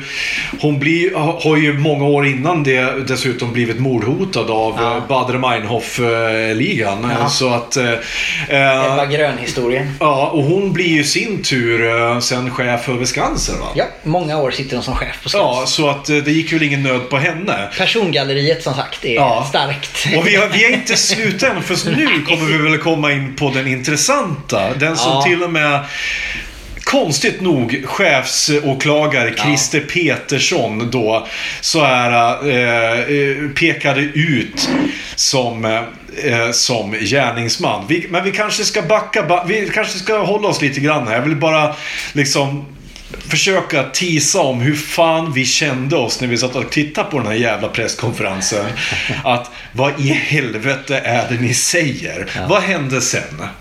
Så att säga. Efter, nu, efter, nu, Christer ja, Pettersson. Efter Christer Pettersson så står det still i ganska många år. Sen så dyker det upp någonting som heter Sydafrikaspåret 1996. Och det är en av de absolut bästa te- teorierna. Det är de flesta överens om. Det handlar alltså om att apartheidregimen i Sy- Sy- Sydafrika hade en väldigt stor och väldigt välorganiserad eh, agent och spionorganisation. Som bland annat ägnade sig åt politiska mord av apartheidmotståndare. Mm. Sverige, ska. Sverige var en av de länderna som finansierade ANC. Och faktiskt, eh, de, de har ju sagt i efterhand att utan Sverige hade vi aldrig kunnat gjort det här. ANC hade ju en av sina första kongresser i Sverige Ja. under Olof Pa- Palmes eh, tid. Eh, Olof Palme var oerhört eh, stark eh, mo- apartheidmotståndare. ANC var Nelson Mandelas parti. Det är alltså den, den African National Cong- Congress är en, från början en terrororganisation som blev ett politiskt frihetsparti vars mål var att avskaffa apartheid i Sy- Sydafrika. Okej. Och apartheid, det var alltså Ja, rassegregering. det, där är jag med. Där är du med? Okej. Eh, så att, eh, och, och eh, de, var- det- vad, vad som händer då 96 är att apartheid har ju, eh, apartheidsystemet och det, den vita minoritetens eh, diktatur har ju kro- krossats. As seen in Dödligt vapen 2. Diplomatic immunity! Eh, regimen har fallit och det tillsatts en sanningskommission för att eh, re, re, re, reda ut brott mot mänskligheten begångna under apartheidregimen. Vad som händer då är att den här eh, stora spion och agentorganisationen eh, splittras upp eh, och naturligtvis och de ställs inför rätta de här personerna, den här mystiska organisationen. Och vad som händer är att de börjar skylla diverse bizarra brott på varandra. Mm, Antagligen för att komma lindrigare undan själv. Om, jag, om, jag, om, eh, Sture här har utfört, eh, om jag, om jag kanske har utfört 20 mord men Sture här har utfört 40 mord. Ja, lite den varianten. Fast de heter ju inte Sture i Sydafrika. Nej, det är väldigt få som heter Sture. Det var ett exempel. Ja, ja, ja. Eh, och ehm, då helt plötsligt så finns det en, en man eh, som börjar, som hävdar att, som heter Eugene de Kock, en, en, en, en, en, en gammal sydafrikansk agent som hävdar att eh, Craig Williamson, en av de allra, allra värsta mördarna i den här, eh, det här förbandet, liksom, var mannen som eh, låg bakom mordet på Olof Palme. Sägs i en sydafrikansk domstol, eller i ett förhör tror jag att det är, inte är en domstol. var vit. Ja, ja, ja, ja. Alla de här är vita. Det var ju långt innan svarta hade någon som helst makt i... Och det här ska väl vara dessutom vara en av teorierna som presenterades i Kjell Sundvalls film Det sista kontraktet. Ja, precis, precis. Eh, och, och, ja, det händer egentligen inte så mycket. Det, det, det åker ner polis, svenska poliser till Sydafrika men det, när, när Eugene de Kock väl blir intervjuad och även Craig Williamson så småningom så det framkommer inte så mycket nytt. Eugene de Kock så här börjar liksom och Nej, har jag verkligen sagt det? Nej, det vet jag inte om jag har sagt. Och Det blir liksom ingenting av. Det finns, inga, det finns inget sätt att knyta dem till... Det, det, alltså, teorin är bra, men det Ja. finns inget sätt att knyta dem till Sveavägen. Nej, men det är bara folk som svamlar. Ja. Det- det är ju- Stig Larsson, författaren som skrivit Män som hatar kvinnor och det här Mm. Expo-grundaren. Han, han är ju, var ju väldigt intresserad av Sydafrikaspåret i många år och utredde det här som privatspanare. Han var ju fullkomligt övertygad om att Craig Williamson låg bakom mo- mordet och hade en, Ja. en egen utredning privat om det här. Som, som slutfördes och publicerades en bok här om året. Han var väl ganska briljant, eh, Stig Larsson va? Ja, han. kopplade ju och senare då en författare som heter Jan Stocklassa. Viss reservation för uttalet av efternamnet där, men Stocklassa tror jag. Eh, Sam, som fick eh, hela den här utredningen. Han begärde, ju, eller han begärde ut den av Expo, för det är de som sitter på Stig Larssons kvarlåtenskap. eh, Sådär. Och han bara, jag är intresserad av Stigs teorier om Palmemordet. Kan jag få läsa? Du kan få skiten mer eller mindre. Jaha, oj. Ja. Ja. Så att eh, han tog tag i det här och började forska och han kopplade A, eller inte ANC, förlåt. Han kopplade det här sydafrikanska mördarbandet till en svensk rättshaverist som heter Alf Enerström. Jag vet inte om ni tog upp han i ert program om Nej, det gjorde vi däremot inte. Vi Han hade en- ju, en vi hade ju Stellan Hagmalm Ja, en från av Lund. de mest tragiska eh, faktiskt får man säga rättshaverister. Det finns ju roliga rättshaverister som finns det tragiska rättshaverister. Ja. Alf Enerström var ganska tragisk. Hans, eh, han var egentligen läkare. Eh, var han kan man väl säga. Och bodde på en, en exklusiv adress eh, på, eh, på, i Stockholm. Eh, Strandvägen. Strandvägen. Nej, inte Strandvägen. För jag satt just och funderade på utan en av de andra exklusiva. I samma lägenhet där de von Sydowska morden begicks. Ah, okej. Mm. Eh, Det är en sån otursförföljd överklasslägenhet liksom. Mm. Han bodde där med sin hustru skådespelerskan J.O. Petré. Och de var båda helt besatta av att Olof Palme var en landsförrädare som ville sälja ut Sverige till Sovjetunionen. Så de, de, precis som EAP, tillhörde de här som köpte annonser bara för att skriva. De, de kunde köpa en halvsida i DN. Det, alltså, det kostar mycket även på Ja, den ja, ja. tiden. Och bara fylla med text om att Olof Palme är en sovjetisk spion. Men det här med förtal fanns inte på den tiden? Nej, inte på eller? samma sätt. Nej. Eh, och eh, Alf Enerström hade en eh, som en slags hangaround slash personlig assistent. Eh, vars namn eh, jag... Det här, det, här har jag faktiskt ha, det här har jag faktiskt kollat upp själv. Jag, kollade, jag ville veta hans riktiga identitet. I den här bo, boken så kallas han för... Eh, Eh, påhittat namn som jag inte kommer ihåg nu. Eh, jag har kollat upp hans riktiga namn eftersom jag, jag tänker inte säga vad han heter men jag har kollat upp honom på Facebook. Den här mannen. Han, han, han, han var någon slags hangaround till eh, Alf Enerström. Eh, en slags personlig assistent slash hangaround. Och enligt Jan Stock-Lassa då och hans vidare for, forskning så tror han att det är den här assistenten som har utfört mordet på Olof Pal Palme på eh, år, på liksom högst, alltså att, att, att, att Sydafrikas på något sätt agent agentorganisation behövde nå, nå, någon på plats som utförde mordet för det var för riskabelt att skicka sina egna mör, mördare. Ja. Och då behövde de någon på plats som gjorde det här. De på något sätt skulle ha kommit i kontakt med Alf Enerström och hans assistent då skulle ha utfört det här mordet. Sen spårar den här boken ur lite grann där han, Jan Stocklassa, genom en, en, en tjeckisk kvinna som låtsas vara intresserad av den här stackars assistenten som lever tydligen ett ganska ensamt li, li, liv idag. Eh, och, och, loss, och söker upp honom på internet och låtsas vara intresserad för att mjölka på fakta om Palme. Men vänta nu, nu tappar du bort mig. Är det här, är det här, är det här roman eller på riktigt? Nej, det är på riktigt. Okej. Ja, och det, det, det, teorin är intressant. Alltså Ja. att, att Sydafrikas Så att Sydafrikas eh, underrättelsetjänst skulle utfört mordet, det är ganska rim, rim, rim, rimligt. Och tanken på att de skulle behöva någon på plats som utför Ja, mordet. det är också ganska rimligt. Också ganska rimligt. Kopplingen till Alf Enerström? Mm, mm, ja, men okej, visst.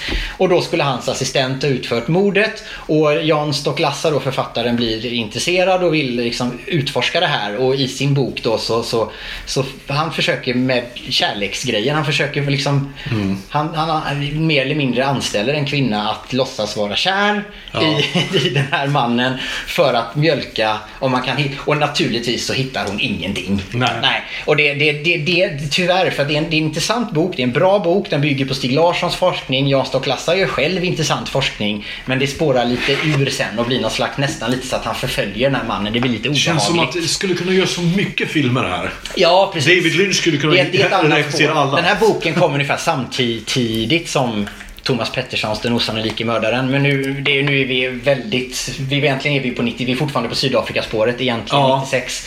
Om vi Hur många spår efter Sydafrika? Nej, det är väl egentligen där. Sen året efter 97 så kommer ju re, resningsansökan mot Christer Pettersson. Ja. Och sen så går det ju många år där det egentligen inte händer särskilt mycket alls. Christer Pettersson dör och Ja. Lisbeth Palme dör och det, det går på sparlåga, sparlåga det hela. För det är ju där mer eller mindre som man börjar anse att att sitta i Palmegruppen, det är elefantkyrkogården. Det är där du hamnar om ingen vill veta av dig. Nej, ja, eller tvärtom om du så här, du har, nå, nå, nå, du har haft en lång och framgångsrik karriär, du har några goda år kvar till pension, du vill bara chilla.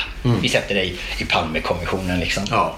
Deras huvudsakliga uppgift i väldigt många år var ju att ta emot ansökningar från eh, privatspanare och godkänna eller avslå att det de begärde ut att få läsa utav utredningen. Det var i stort sett vad Palmeutredningen Ja, ägnade sig åt i väldigt många år. Men eh, så 2000 17 var det väl tror jag, eller om det var Mm. sex- 16 så går många i pension. Och Christer Petersson tar över som spaning eller som åklagare. Och Hans Melander sitter kvar. Han har varit Mm. Så kallad för, som- förundersökningsledare Ja, precis. är man om man är åklagare. och spa, ja, precis. Och han eh, säger att ja men det här måste vi ju liksom vi måste ju göra någonting åt det här liksom. Vi kan det kan inte ha en, vi kan ju inte ha en, en upp, alltså, som aldrig tar slut. Vi ska ju fan med lösa det här liksom.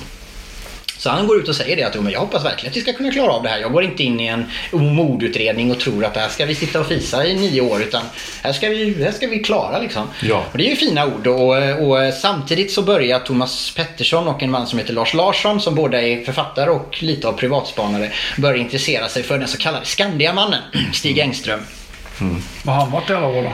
Ja, precis. Han... Eh, vad man vet om honom är ju då, det här är så känt nu med det här så nu tycker vi drar det ganska kort, vi drar inte hela historien. Men han var en man som arbetade på Skandia. Skandiahuset är alltså det huset där mordet begicks. Eh, Det är hörnet där liksom.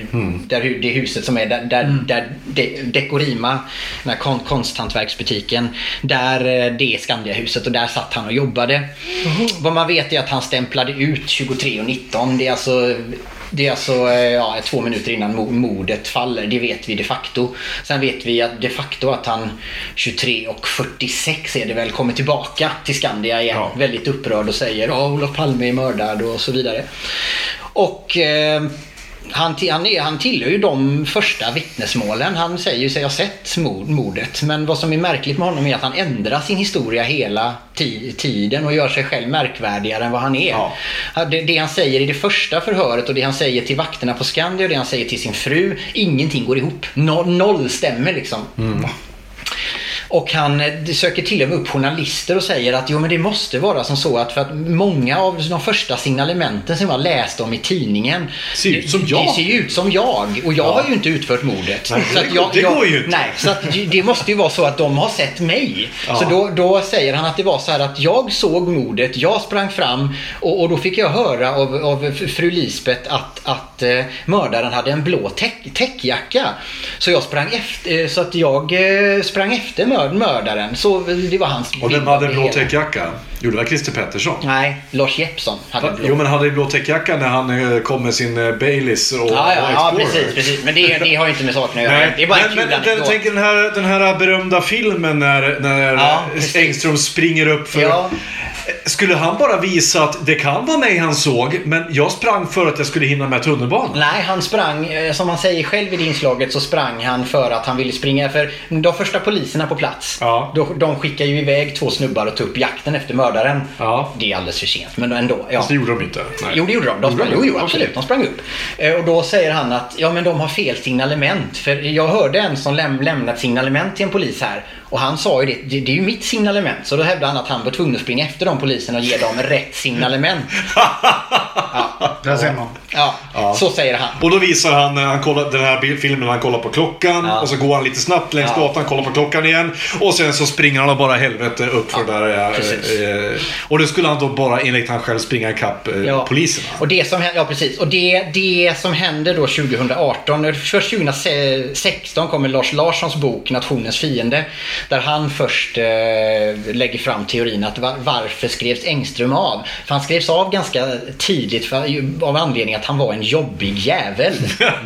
för han, bara, man, änd, han ändrar sitt vittnesmål hela tiden. Det går inte att få något vettigt ur honom. Nej. Så att de var är det så för här, jävla men han, han, han är jobbig liksom. Ja. Vi vill inte ha med honom att göra så att han avskrivs på någonting som är kanske unikt i svensk rättshistoria. Han avskrivs som varande på brottsplatsen. Ja. Och antingen så är man offer, man är gärningsman eller man är vittne. Det finns ingenting som heter varande på brottsplatsen. Nej. Då är man ett vittne. Men han, han, han skrivs inte som vittne där- där- därför att han tycker att han är för jävla jobbig. Ja. Till saken hör också att det här är någonting som Thomas Pettersson tar upp i sin bo, bo, bok. Eh, som, som inte, jag tror inte att det är helt bekräftat att det var så här. Men han har forskat och intervjuat lite folk som satt i Palmeutredningen på den ti, ti, tiden. Så var det också att han avskrevs på grund av att han hade en ganska feminin framtoning. Och man misstänkte, för att han hade, Stig Engström några år tidigare varit med i en intervju i en, eh, om det var Svenska Dagbladet eller något sånt, jag kommer inte ihåg. Där, som handlade om män med feminina drag, om att våga bejaka sin femininitet. Och då var han med och intervjuades och sa att men jag har ganska mycket feminina drag. Och, och det här på något sätt hade de då sagt att ja men han, eh, och poliserna då, machopoliserna i Stockholm tänkte att ja men han Engström han är nog tvåkönad. Så att han kan ju inte ha gjort det här mordet Nej. för det är ju en riktig kar som har gjort det här mordet. Lite så ska det ha varit då. Och dessutom så utreddes Vad det för att... Och, och, och, och, dessutom så utreddes det inofficiellt, tror, enligt vad Thomas Pettersson då spekulerar i, men det här är heller ingenting som är liksom bekräftat. Att, att han också av, att de funderade li, lite grann om det kan vara så att anledningen till att han hela tiden ändrade sin story och inte ville att folk skulle få veta vad han gjorde var att han på något sätt skulle ha känt Lars Jeppsson, det här vittnet alltså inne på Lund- Luntmakargatan. Ja. Att de efter att Stig Engström skulle ha gått från jobbet skulle ha haft mötas för att ha ett sexuellt möte helt enkelt. Ja, och det finns alltså inget som helst som bekräftar. Alltså det finns, i- det, Lars Jeppsson och Stig Engström kände inte varandra Så det här är bara taget ur luften. Det här är bara någonting Ja. som de bara, ja men det här Ja, ja. Det var nog så att, att, att, att eh, Lars Jeppsson stod där bakom för att vänta på Stig Engström för sen skulle de gå och ha sex. Så måste det ha varit. Ja. Så, Okej. att, så, Ja. så att Stig Engström skrivs av. Han utreds internt på Skandia. Det finns en utredare på Skandia som skickar ett, en promemoria till Palmeutredningen där han skriver att Stig Engström kan mycket väl utfört det här mo- mordet. Jag får inte historierna att gå ihop med vad han har gjort den här kvällen. Eh, det non- nonchaleras bara. De bryr sig inte om det. Och han är, han är en jobbig jä- jävel. Hans Holmér eh, säger själv i ett möte om att ah, Engström, sådana typer är jobbiga. De är som en elefant i en porslinsbutik. De ställer till med så mycket problem. Det, det är proffsigt. Alltså, Ja. och vad, vad Thomas Pettersson då gör, först Lars Larsson och sen Thomas Pettersson som, som tar vid, är ju att bara, men man kan ju inte skriva av en person som befann, bevisligen befann sig på brottsplatsen, beter sig extremt konstigt, ändrar sin historia hela tiden. Alltså, eh, oavsett om han är mördaren eller inte så måste man ju gå till botten med det. Så man kan ju inte bara avskriva honom som varande på brottsplatsen. Det är ju totalt fel. Så vad han gör då är att han gräver ner, ner sig i historien av Stig Engström och skriver en oerhört bra och välskriven bok där han helt enkelt eh, redogör allt som hela egentligen Stig Engströms liv. Och vad han kommer fram till är att Engström eh, rörde sig i Palmefientliga kretsar. Han var med i Täby-moderaterna, ett av de mer hårdföra moderata eh, i, Ja. Stock, i Stockholmsdivisionerna liksom. Där Palmehatet var stort. Ja. Han gillade att skrävla, han gillade att göra sig större än vad han var. Han gillade att hitta på historier. Han, gillade, han hade till exempel hittat på historien om att det var han som hade designat Skandias logga, den här uppfällda Ja, ja. paraply. Vilket han inte hade, det är lögn. Det är någon annan som har gjort det. Han gillade att göra sig större än vad han var. Och då skulle teorin ha varit att han då skulle ha utfört mordet på något sätt som att jag har gjort ett avtryck i, i historien. Fast jag tycker det där låter mer som att eh, om man är en skrävlare så är det snarare en snubbe som inte har gjort det. Ja, men Det, det menar ju andra då, att han, Ja. att han skulle vara det. det. Det man vet är att han hade skyttevana, för han ägnade sig åt sportskytte i det militära. Ja. Så att han kunde skj, skjut, skjuta, det kunde han. Han hade en vän som var vapenhandlare, så han hade tillgång till vapen. Okej. Det som gör storyn konstig är ju, om vi säger så här att Stig Engström stiger ut från Skandia 2319. Han ser makarna Palme. Han går upp bakom dem. Då ska han alltså i sin lilla handväska ha en, en, en enorm revolver, en Smith Wesson som, som Leif GW Persson Magnum citat. 357 ja, va, dessutom. som, eh, som, för att citera Leif GW Persson, är som en mindre spädgris i storlek. Ja. Skulle han då gå runt med den laddad, för han kommer Ja. inte hinna, la- hinna, la- hinna ladda den. Nej. Och Thomas Pettersson har ju då en teori om att, för man vet att Stig Engström tidigare på dagen har gått ut och ätit middag på stan. Ja. Att han då skulle ha sett makarna Palme gått in på biografen. Att han skulle ha kikat vilken film de skulle gå på, hur lång den var. Eh, och sen gå tillbaka till Skandia. Eh, antingen fixat fram ett vapen eller om man hade ett vapen på Skandia. Tagit eh, vapnet och sen eh, fått kalla fötter. Men en, eh, så här, han, han, eh, för man tror att han gick ut eh, bakvägen så att säga. Alltså att han, han, det finns en bakväg på Skandia som Ja. man inte behöver checka in och ut. Att han skulle använt den. Men att han skulle fått kalla fötter och bara jag, kan, jag vill inte göra det här. Men att han ändå hade vapnet med sig och beslutat sig för att nej, jag skiter i det. Jag går hem istället. Ja. Och då gått ut 23.19 och precis då passerar makarna Palme och han bara i stundens ingivelse, nej fan jag gör det, tar upp pistolen, skjuter dem, springer iväg. Det är Thomas Petterssons te- teori. Och då skulle motivet ha varit att han är moderat och hatar Palme. Ja, och att han eh, skulle, vara en, skulle på något sätt vilja göra det här. Han har ju egentligen inget starkt motiv. Det, det, ju- alltså, Stig Engström, det faller lite på motivbilden där. Ja. Men, men, men det, det finns Och det faller ju också på den tekniska bevisningen. För det är väl det här som, eh, om vi ska ta det nu, alltså att på den här presskonferensen. Det som gjorde mig så jävla förbannad var att ett, de går ut med ett namn. De går ut med ett namn och mer eller mindre säger att det är den här killen, han är den enda som skulle kunna ha gjort det. Med så jävla lösa indicier Ja. och inga tekniska bevisningar. Nej, jag ska säga, det har något lösa indicier inte. Men det är indicier, det finns inget bevis. Det är ju det Nej. som är problemet. Jag, jag, jag som hänger Inga med i vittnen. svängarna. Eh, Vittnen bara som säger att de inte har sett honom. Ja, vittnen som man säger att mördaren har, eh, såg ut som Stig Engström gör. Det finns Ja. det ju. Klä, alltså klädmässigt. Jo, men det är ju ingen som säger att de har sett honom skjuta. Nej. Nej, eller du menar att Och de har heller inte hittat, hittat mordvapnet. De har inte Nej. hittat fingeravtryck. Nej. De har inte hittat ballistik. Ingenting som kan binda Nej. honom tekniskt. Nej. Och det är det jag menar. Och det är väl därför så sent som idag så såg jag en, eh, en eh, artikel att nu börjar förtalsanmälningarna hagla in. Ja, men det kommer de inte ha något för. Nej, men det är ju förtal mot avliden. Det var ju det som Leif GW sa också. Det är ju egentligen inte det rent juridiskt. Alltså så här, jag, Jag vet inte hur det är. Justitiekanslern tog ju till exempel inte upp det. Nej. Han valde alltså bara, men jag, det, det finns regler som gör att det, det är en pågående polisutredning. Alltså det, det, man kan komma undan det där. Får jag komma med en liten snabb grej? Självklart. Hej alla, alla ultralovers. Jag är fortfarande här. Bara att jag har en jävla aning om vad alla pratar om. Men vet du, att, du ska eh, få presentera kvar. din teori alldeles strax. Inte Ja. Helst inte. Ja, du har ju förberett här med din, eh, med din action-sketch eh, som du... Ja. Det här. Men det, det, Ja. det, det finns också, innan vi avslutar Engström och kanske hela grejen, är, är också att det finns en teori om att, för, för i Skandiahuset på den här ti- tiden så satt det en, en, en rörelse som kallar sig för Stay Behind. Ja, den har jag hört talas om. Och det var en rörelse som byggdes upp inofficiellt med kopplingar till Säpo om ifall Sverige skulle invaderas av främmande makt, läs Sovjetunionen, så skulle de vara de, de som stod för att bygga upp en motstånds eh, rö, rö, rörelse. Och så deras uppgift var att förbereda det här.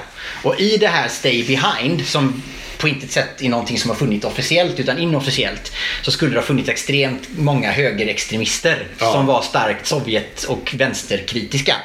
Och eh, det finns vissa privatspanare som, som köper teorin om Engström men att han då skulle ha, lä, lä, ha lärt känna de här människorna under sin tid i Skandiahuset eftersom de satt där och hade Ja. någon slags hemligt högkvarter där. Och det, Sägs det? Fast det vet man att de hade. Okej. Det hade, hade de de facto. Ja. Polisen nu har ju, för, i samband med att de gick ut nu med det här, har ju försökt undvika det här, eller undersöka, inte undvika, försökt undersöka det här med Stay Behind.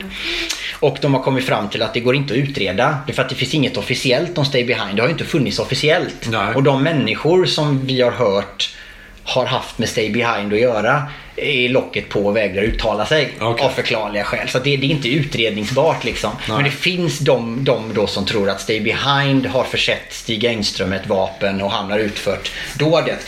Då, då, det, det, det skulle ju kunna vara så. Men när han så ser makarna Palme när han är ute och äter restaurang, eller på restaurang, han går tillbaka och säger Fan Palme, de är på bio nu och de är ute. Där filmen är två timmar lång och om två timmar kommer de Ja. och vandrar förbi här liksom. Ja, fan ta en revolver. Det kan ha gått till så. Det kan ha gått till på något helt annat sätt också.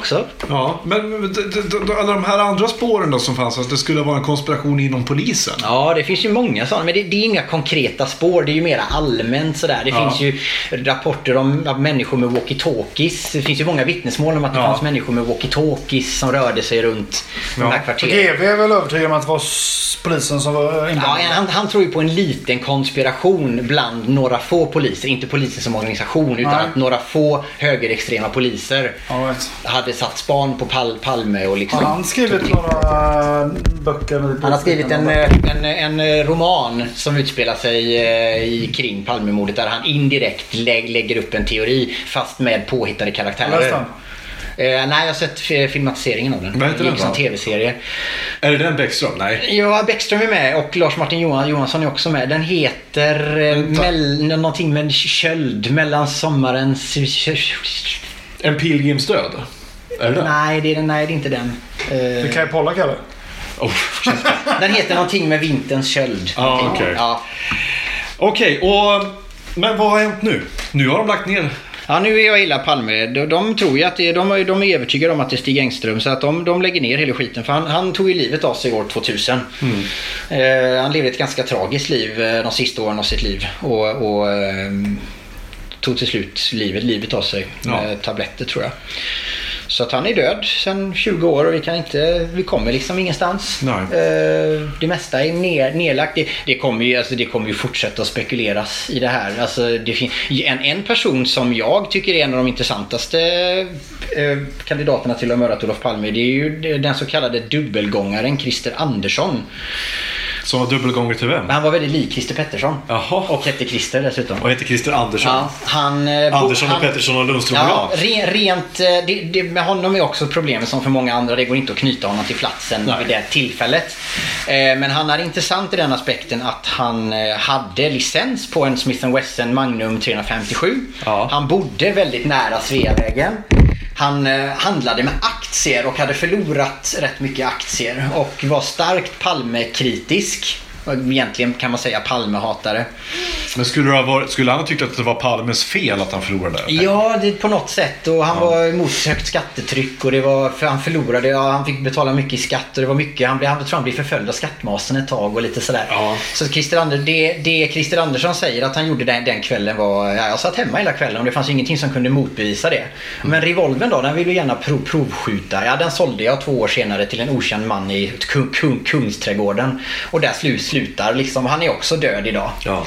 Där slutar, han nämndes faktiskt eh, som hastigast under presskonferensen. Men som ett av spåren de har utrett. Men det, allt tar slut för det finns inget som är utredningsbart. Men eh, GV har ju framfört honom som intressant i utredningen bland annat. Ja, ehm, Men tror du personligen att det är? Ja, det är det som är grejen. Jag, jag vet inte.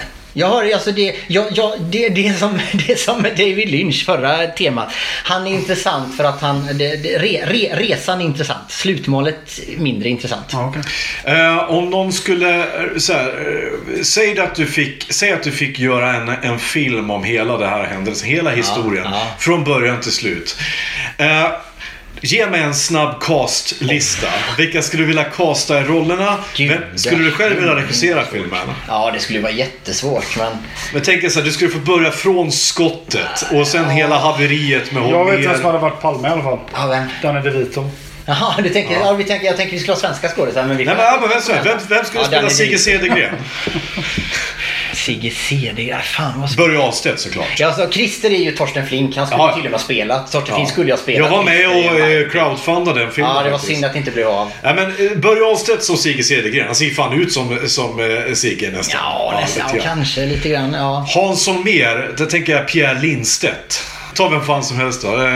Bert-Åke Varg, lever han? Ja, Han är för gammal. Nej, han var ju svingammal redan. jag tror att Jonas Karlsson skulle kunna göra en bra Hans Holmér.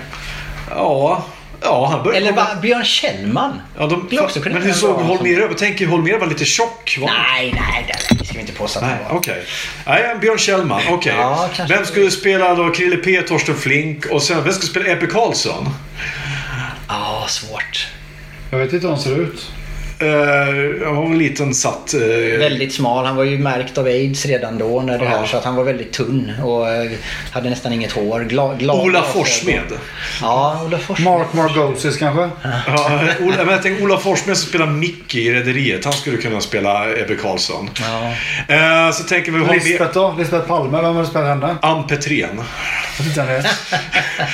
Nej, jag, jag tänker Ann Petrén eller Susanne Reuter hade varit bra. Hon hade kunnat gjort en bra... Om vi ska rekonstruera konfrontationen där hade hon kunnat eh, gått in och vara lite syrlig. Ja, kanske. det tror jag blir bra.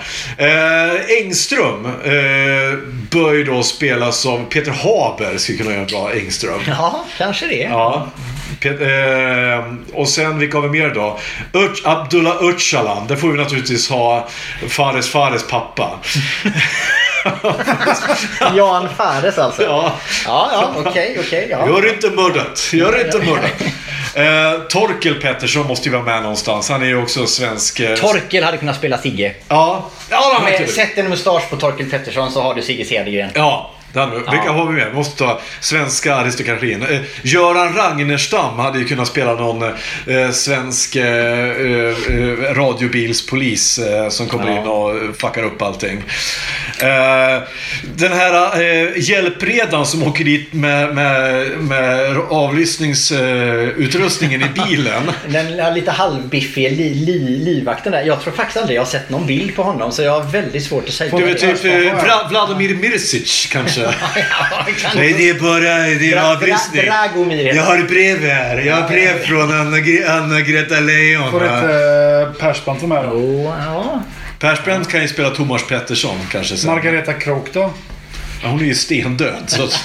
Dödaren så blir, blir man Det gör väl inte. Det Nej, gjordes, det gör ju, väl det gjordes ju en väldigt ro, ro, rolig tv-serie på SVT nyligen som hette We Got This om en amerikan som fick för sig att utreda Palmemordet. Rolig och sevärd. Ja, men det La, var Lars Jeppsson spelar bland annat sig själv i den. Väldigt roligt. fantastiskt. Ja. Eh, avslutningsvis om Palmemordet. Alla, vi ger alla våran teorier och du har gett din. Du tror, eller jag ger min då. Jag, jag, jag är mer på GV-spåret. Jag tror att det var en... Det var några som, eh, som hade möjligheterna, som hade vapnen, som hade också eh, var förutseende. Nog lite konspiration inom polisen. Ja. Tänker jag. Okej, jag då. Allt jag någonsin har vetat om Palmemordet fick jag reda på ikväll. Aha, ja, ja. Så att eh, jag, jag tror att det är Skandiamannen som är mördaren. ja. Ja, Du okej. tror på den officiella? Jag tror. Mm, absolut. Jag tycker det låter jävligt skumt. Ja. Ja, jag, jag, jag, jag, jag, Måste? jag, jag, jag tror... Ja, men må, måste jag... Smith Wesson ja, på- mot precis. Måste jag så säger jag Stig Engström. Okej. Men jag är tveksam. Men jag må, jag må, det, det finns bättre... Det finns, ja, det finns, just nu finns inte det lika egentligen... kul, menar du? Nej men så här, så här. Just nu finns det ingen bättre teori. Nej, okej. Det är där det, land, det landar för mig. Det är den, det är den minst då, dåliga just nu. Tror du att vi i Sverige har problem med att acceptera att det inte kan vara någonting annat än en stor konspiration? Ja, absolut. Det, tänk, om, Men- tänk, om, tänk om det var en pundare, lik Christer Pettersson som Ja. gjorde det. Att det bara var en jävla rånare som Ja. skulle göra det. Och vi bara kan inte köpa det. Det kan inte vara så enkelt. Det finns Nej, ju någonting som kallas för Ockhams eh, rakkniv. Har du hört talas om det? Vad skulle han få en sån dyr pistol från? Va? Den var väl ganska värdefull en sån picka? Ja, men det har sådana va- vapen som Ja. florerade i den Alltså? undervärlden. Okej. Ja. Det finns något som heter Ockhams rakkniv. Som eh, man brukar prata om. Eh, Det är Som att, Edward Scissorhands har eller? nej, det, det, det, det, det, det handlar om att det är oftast den enklaste lösningen är det du ska titta efter. Du ska inte krångla till det utan titta, gräv där du står, titta, vad finns det närmast liksom. Det är som en GV säger, statistiskt sett, alla mord i Sverige, de flesta morden utförs av någon som känner offret. Ja. Det är klassiska. Ja men den här då. Jag tappade bort min telefon förra veckan. Ja, Den var borta i två dagar och jag vet att jag tappade bort den i soffan. ja, Men jag hittade den i sängen. ja. Det kallas för Mandela-effekten. Ja. Ja. ja, det är. Ni lyssnare Ni har ju, sitter ju på svaren naturligtvis. Skriv era teorier i kommentarerna. Gilla oss på Facebook, gilla oss på Instagram, ge oss pengar på Patreon, ge oss alla pengar så vi kan be- bedriva vidare den här spaningen. Vi sitter på svaret någonstans. Vi behöver bara en budget för att kunna ta ledigt från våra jobb och ge oss ut i världen och vrida och vända på alla stenar. Ni har hört på Diagnostikerna och jag säger tack så hemskt mycket Andreas Scheffel för att Ja, det var di- roligt. din enorma kunskap. Och, jag Tack blir, för att jag fick komma. Och en fantastisk tidlinje, tidslinje över detta. Och tack Fredrik för att du stod ut med, Tack. med oss här. Och tack till mig själv för att jag har suttit här och varit kissnödig i en och en halv timme. Ja, när jag har pinkat tre Ja. gånger. Vi hörs igen. Ha, vi hörs igen om en vecka. Hej!